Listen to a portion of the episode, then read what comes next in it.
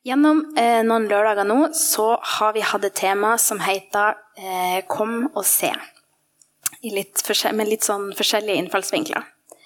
Og dette her, det synes jeg har vært et veldig fint tema eh, å gå inn i et høstemester på.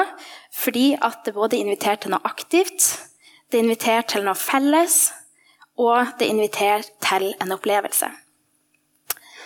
Så temaet i denne talen her, så har jeg tenkt å fortsette den invitasjonen eh, om å komme. Eh, og jeg har valgt temaet 'Kom til Jesus'. Og jeg, er tegnspråklærer, ja, men jeg er også norsklærer. Så Derfor så liker jeg godt å putte inn litt grammatikkundervisning der jeg kan. Eh, eh, ja. Eh, og dere har sikkert lurt på hva dere skulle med denne irriterende grammatikkundervisninga, setningsanalysen og det der å pugge ordklasser.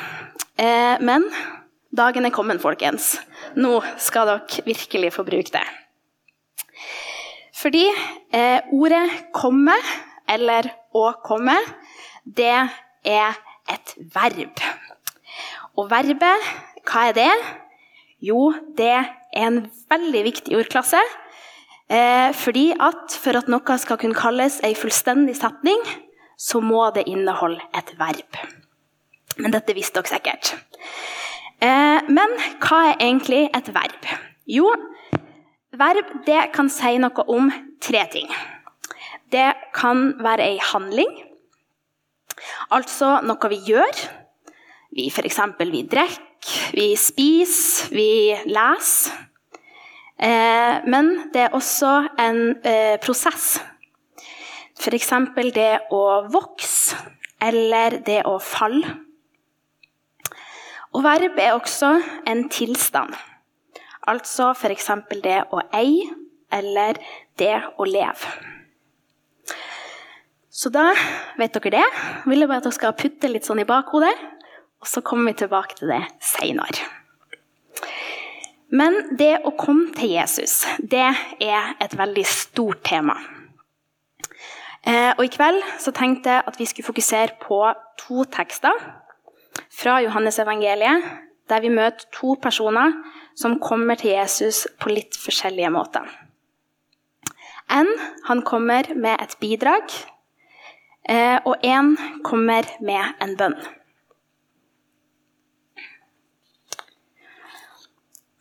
Yes. Så det vi først skal se på, er på undertemaet 'Kom til Jesus med det du har'. Og Vi skal lese eh, en tekst fra Johannes-evangeliet, eh, fra Johannes kapittel 6, vers 8-13. Og her, nå skal vi lese en historie som jeg tror mange av dere kjenner. Eh, det er når Jesus metta 5000. Og Jesus hadde nå begynt å tiltrekke seg ganske mye folk. Så nå var det i en situasjon der det var fryktelig mye folk rundt han, og han hadde lyst til å gi dem mat. Et naturlig spørsmål blir jo da hvor skal man finne mat til alle disse 5000 mannfolkene? Ja.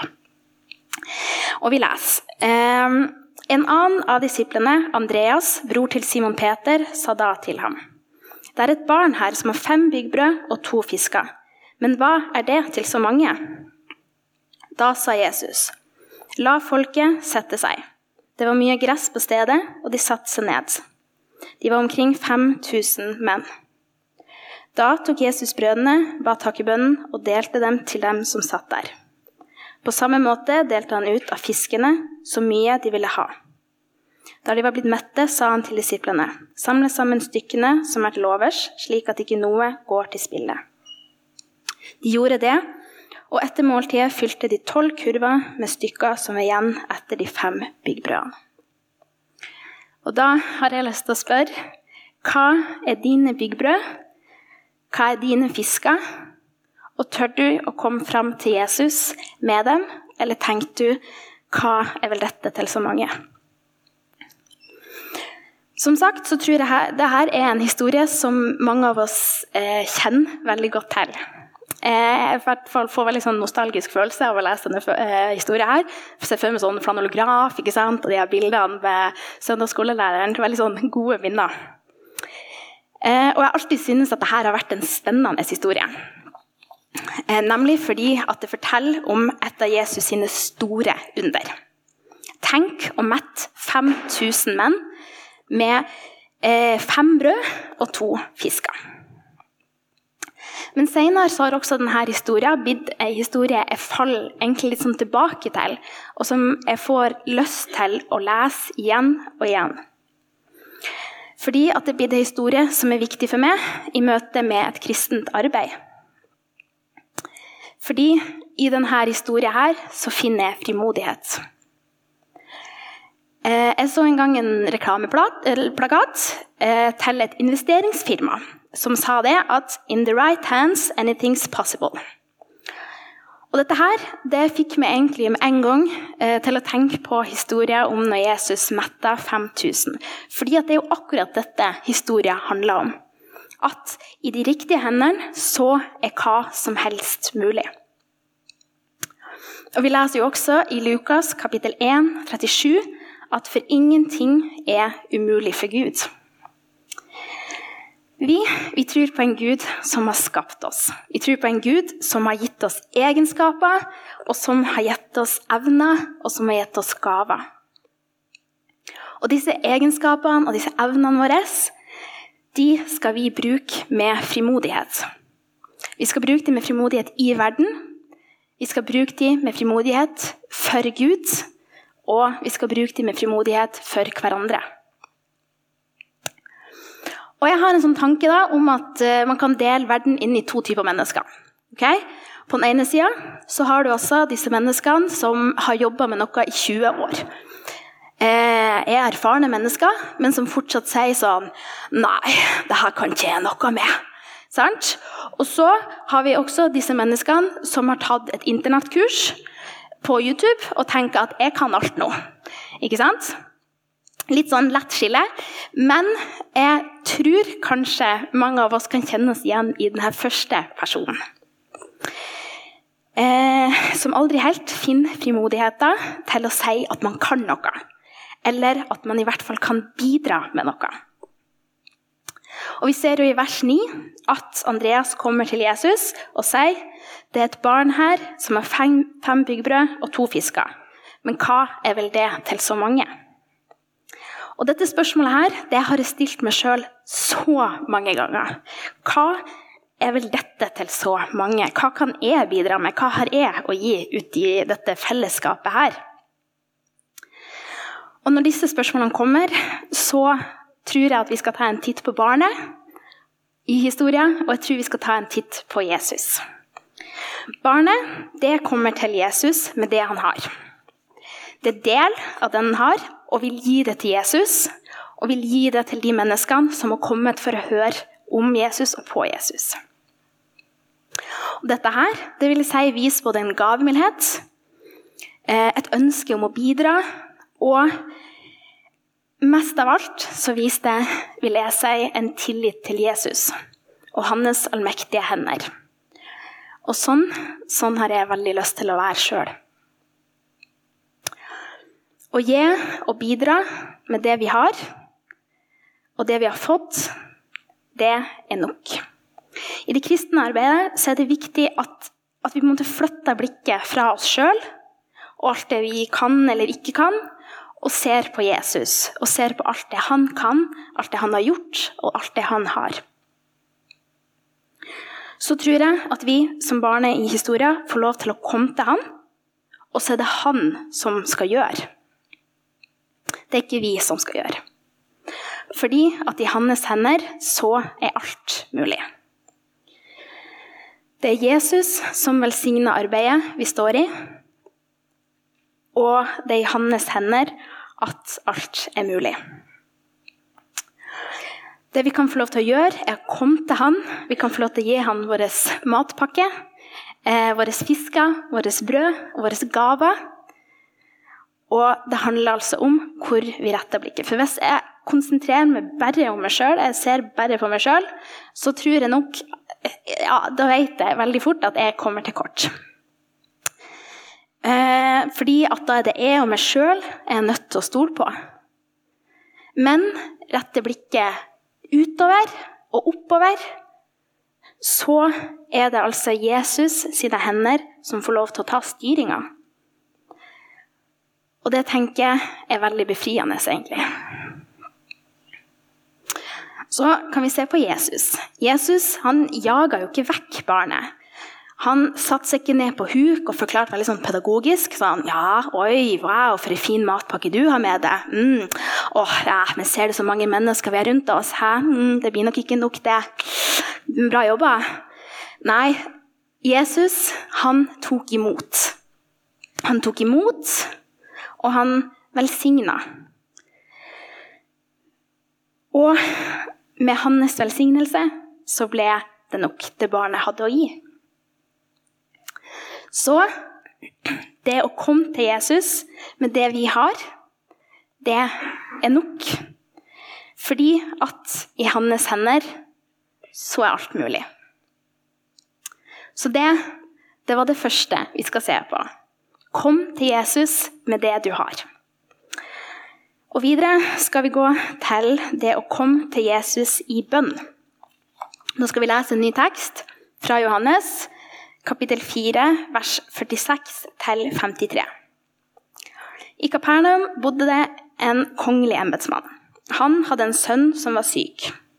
Da han fikk høre at Jesus var kommet fra Judea til Galilea, gikk han til ham og ba ham komme ned og helbrede sønnen, for gutten var, nær, eh, var døden nær. Jesus sa til ham, uten at dere ser tegn og under, tror dere ikke. Kom, Herre, før gutten min dør, sa mannen. Gå hjem, sønnen din lever, sa Jesus til ham. Mannen trodde det ordet Jesus sa til ham, og gikk av sted. Da han ennå var på hjemveien, kom tjenerne og møtte ham, og de fortalte at gutten hans levde. Han spurte dem når, eh, han spurte dem når det var blitt bedre med han. De svarte i går ved den sjuende time forsvant feberen. Faren skjønte at det var skjedd akkurat da Jesus sa til ham, 'Sønnen din lever', og han og hele hans hus kom til tro. Det er nok mange ting vi kan ta tak i med denne her teksten. her. Eh, men jeg har lyst til at vi skal se på den med et bønneperspektiv. I Bibelen så finner vi mange vers som oppfordrer oss til bønn. Vi leser om at Jesus ba sjøl. Vi leser om at Jesus gir oss Fader vår. Og eh, det finnes veldig mange løfter knytta til bønn. F.eks. i 1. Johannes brev, kapittel 5, vers 14, så står det Og dette er vår frimodige tillit til ham at han hører oss når vi ber om noe som er etter hans vilje. Og I Matteus evangeliet kapittel 7, vers 7-8 så leser vi Be, så skal dere få. Let, så skal dere finne. Bank på, så skal det lukkes opp for dere. For den som ber, han får, og den som leter, han finner, og den som banker på, skal det lukkes opp for. Det å komme til Jesus med nøden og med hjertesukket, med bekymringer og med gledene, det er både riktig og det er veldig viktig. Og Løftene vi finner i Bibelen om bønn, det er løfter som vi kan stole på. Og det er løfter som vi kan bygge livene våre på. Og I møte med denne teksten her, så er det altså tre ting ved denne embetsmannen her som jeg, har, eh, som jeg tenker er veldig forbilledlig i møte med et bønneliv. Nummer én er det at embetsmannen kommer til Jesus med nøden sin i bønn. Embetsmannen opplever alle foreldres skrekk. Han opplever at han holder på å miste barnet sitt. Da, da, velger han å gå til Jesus, eh, og han ber til Jesus. I tillegg så ser vi også at han ikke gir seg. Han ber igjen og igjen. Kom, Herre, før gutten min dør. Jeg, jeg har en lillebror, og han, eh, han, er en frimodig type, vil jeg påstå. Han, han har en sånn eh, deilig holdning til livet om at eh, det er jo bare å spørre. Ikke sant? Det verste som kan skje, er vel at de sier nei. Og det er vel egentlig ikke så ille. Og så har jeg òg en mistanke om at han også har en eh, tanke om at, eh, at, nei egentlig bare betyr 'spør igjen seinere'. Dette her er kanskje et litt sånn typisk lillebrorsyndrom, det vet jeg ikke. Men Eh, for min del så, så, har jeg kanskje litt mer holdninger om at det verste som kan skje, er faktisk at noen sier nei. Altså, Hvis jeg spør og noen sier nei, så får jeg et avslag, og det føles veldig grusomt. Og hva tenker folk om meg da? Ikke sant? Så det der han er, er veldig redd for dette avslaget. ikke sant? Men det eh, å komme til Jesus med nøden og med hjertesukket, det er noe som det, det kan føles veldig sårbart, da. Fordi at det er veldig personlig. Eh, det ligger veldig nært hjertet. Det er nesten som om på en måte legger hjertet foran Jesus. Og kanskje er du som meg, at, uh, at du frykter dette nei-et, eller frykter å ikke få svar, som da gjør at man heller lar være å be. For da kan man i hvert fall ikke få et nei. Men en ting vi kan stole på i møte med Gud, er det at han alltid svarer. Det er kanskje ikke alltid de svarene vi håper på, men det er alltid et svar. Og disse svarene de kan være ja, nei eller vent. Og uansett så kan vi vite helt sikkert at Gud elsker oss. Og det betyr at de svarene som vi får, det er gjort i en grenseløs kjærlighet til oss. Og det betyr også at det svaret på bønnen som vi får, det er nok det som er best for oss. Det å komme til Jesus i bønn, det handler om å legge fra seg hos han. Og altfor ofte så tror jeg at vi, som med mange andre ting, legger bønnens kraft og bønnens makt på oss sjøl. Bare jeg tror sterkt nok, bare jeg ber godt nok, bare jeg bruker de rette ordene, så skal nok dette her gå bra. Men bønnen det handler som sagt om å legge hjertesukket hos Jesus.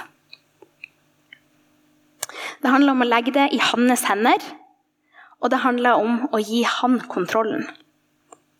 Og dette nettopp fordi at det er han som har all makt. Og da overlater løsninga til han.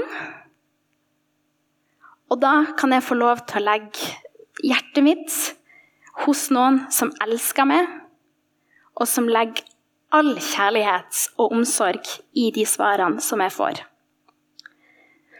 Og det tenker jeg også er veldig fint og veldig frigjørende, egentlig. Så det, det var nummer én. Kom med nøden din i bønn til Jesus.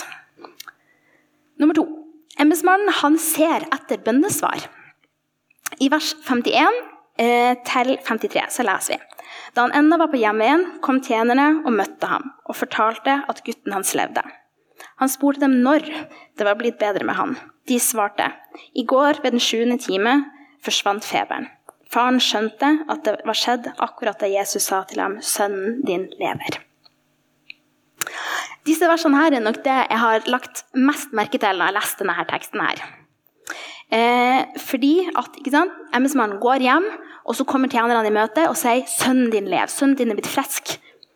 Og hans første respons er ikke da liksom å spørre Oi, ja, wow, så bra. Hvordan går det med han? Er, han er det sant, det du sier? Ikke sant? Prøv å grave i dette her. Nei, hans første respons er Når skjedde dette? Og akkurat det syns jeg egentlig er litt kult. Og egentlig så er det veldig forbilledlig, tenker jeg. Fordi at det viser en søken etter bønnesvar. Han kom til Jesus med bønn og han gikk hjem med et håp som var festa i Jesus. Og når da det skjedde, det han hadde bedt om, så var hans neste spørsmål når skjedde dette her? Og sjøl så merka jeg at det her må jeg minne meg sjøl litt på. da. Eh, jeg må minne meg sjøl på å se etter Gud i hverdagen. Jeg må minne meg sjøl eh, på det å se etter Guds verk i hverdagen. Og jeg tror En god plass å starte det er å se etter bønnesvar. Og husk å takke. Og Vi har jo hørt det mange ganger. ikke sant? Det her, Ta med Jesus i livet, sjøl når livet er mørkt, men også når livet er lett. Og jeg syns at embetsmannen er et godt eksempel på noen som husker på Jesus når livet smiler igjen. Så det var altså nummer to.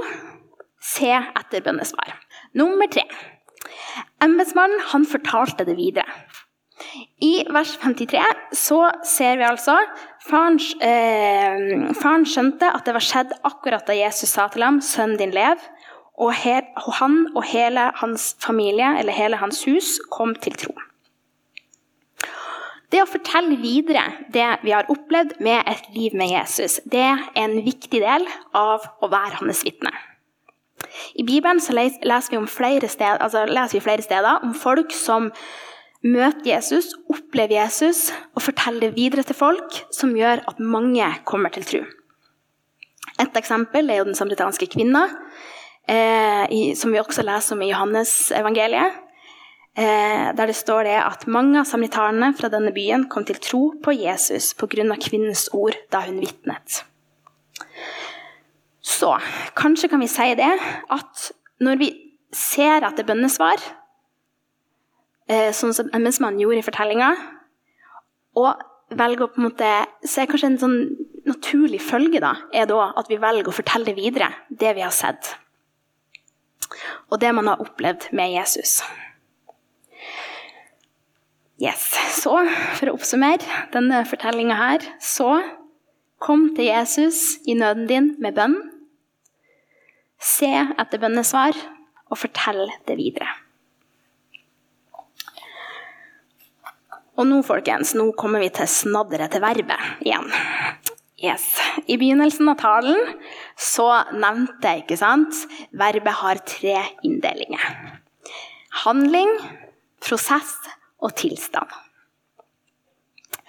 Og det å komme i forbindelse med det å komme til Jesus, det tror jeg at man kan putte i alle tre kategoriene. Fordi det er ei handling.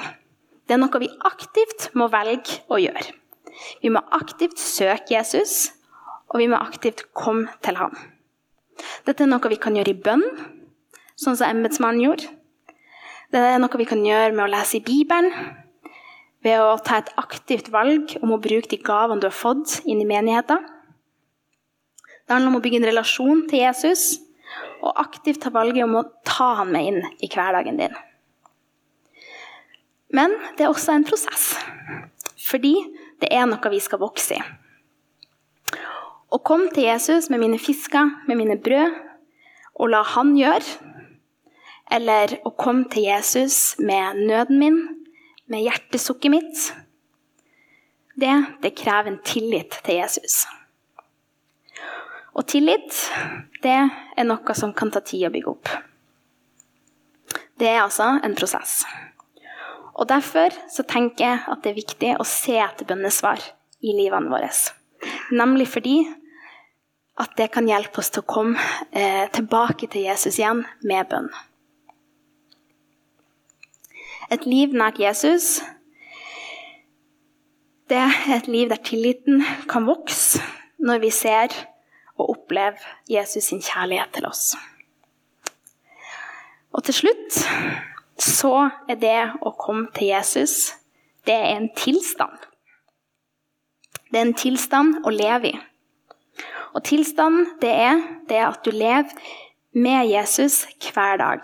I tro, i tillit, men kanskje også i tvil og uro. Det er noe vi bygger livene våre på. Eh, og det er en tilstand som hjelper oss til å ta blikket vekk fra oss sjøl og opp mot Jesus. Det å komme til Jesus med det du har, og la han gjøre, det er en tilstand å leve i. Det frir oss ifra prestasjoner, og det frir oss ifra krav om eh, perfeksjon. Og det hjelper oss til å stole på Jesus sine allmektige hender. Det handler om å la Gud ta kontrollen. Og det handler om å ja, legge det i hans hender. Og det tenker jeg, det er veldig spennende. Kjære gode Gud, tusen takk for de gavene du har gitt hver enkelt her i menigheten her. Gi oss frimodighet til å bruke det, og hjelp oss til å bygge tillit til deg, til å komme til deg i bønn, og til å leve med deg hver dag i en tilstand av tillit og tro til deg. Amen.